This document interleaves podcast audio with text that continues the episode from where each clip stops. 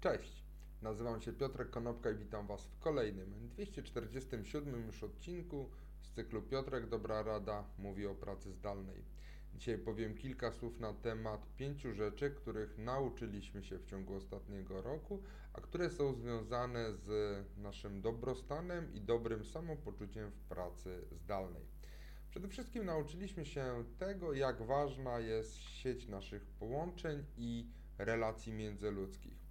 W czasach pandemii, gdy pracujemy w czterech ścianach, pracujemy najczęściej zdalnie, bardzo ważne jest to, żeby umieć odtworzyć, a właściwie zbudować na nowo interakcje pomiędzy nami, naszymi współpracownikami, kolegami z innych firm.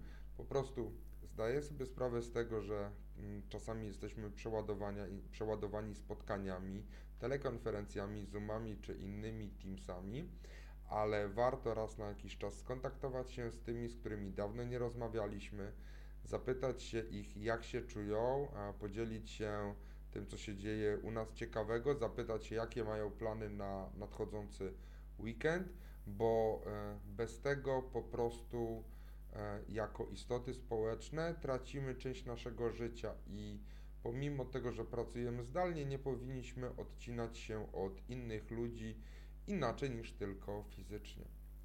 Po drugie, nauczyliśmy się też tego, jak należy bronić swoich granic, jak należy wyznaczać granice pomiędzy pracą, a pomiędzy życiem osobistym.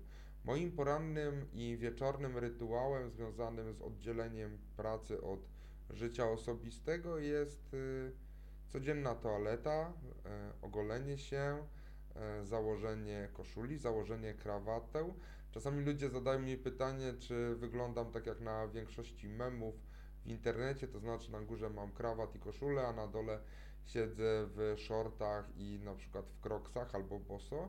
Nie, jestem ubrany od stóp do głów i najczęściej moje skarpetki pasują kolorystycznie do krawatu.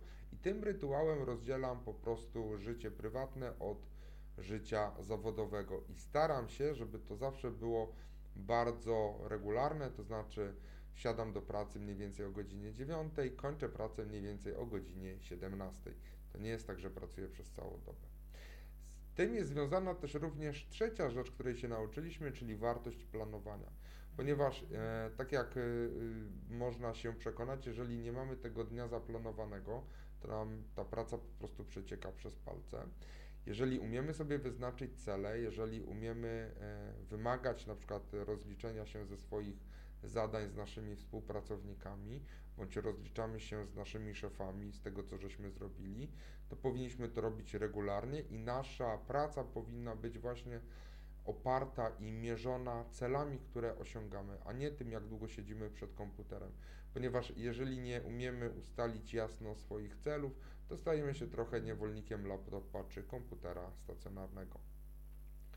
Po czwarte, nauczyliśmy się tego, że musimy aktywnie słuchać. I to jest raczej związane z osobami, które pracują na e, szczeblach menedżerskich, ponieważ to aktywne słuchanie i wsłuchiwanie się w głos pracowników i wyłapywanie tego, co powoduje, że nie są szczęśliwi w swojej pracy, ponieważ pozmieniało się, być może nie mają warunków też do tej pracy zdalnej, a jednak muszą pracować w odosobnieniu, w izolacji w związku z pandemią, to należy właśnie aktywnie słuchać, wyciągać wnioski bardzo szybko reagować, tak żeby e, zapobiegać niebezpiecznym sytuacjom, jak również e, te głosy pracowników, w które należy się wsłuchiwać, to powoduje, że ci ludzie dzielą się bardzo cennymi uwagami, które mogą być dla nas przydatne, jak również te osoby czują się wtedy częścią większego zespołu, większej całości i nie są pozostawione e, w odosobnieniu.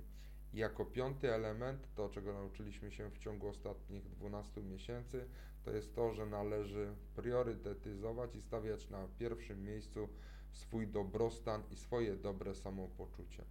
Ponieważ e, bardzo dużo ostatnio mówię na temat tego, że większość pracowników odczuwa znużenie, odczuwa zmęczenie, pojawiają się kliniczne objawy depresji. Warto na pierwszym miejscu właśnie postawić swój dobrostan, warto y, patrzeć na siebie jako na człowieka, y, warto zwracać uwagę na to, jak się odżywiamy, jak odpoczywamy. Nie należy y, przeładowywać swojego dnia pracy zajęciami związanymi właśnie z pracą. Także na pierwszym miejscu stawiamy swój dobrostan. To było pięć elementów, których, e, których się nauczyliśmy w ciągu ostatniego roku, które są to elementy związane z naszym dobrostanem w pracy zdalnej. Dzięki serdeczne, do zobaczenia i usłyszenia jutro. Na razie.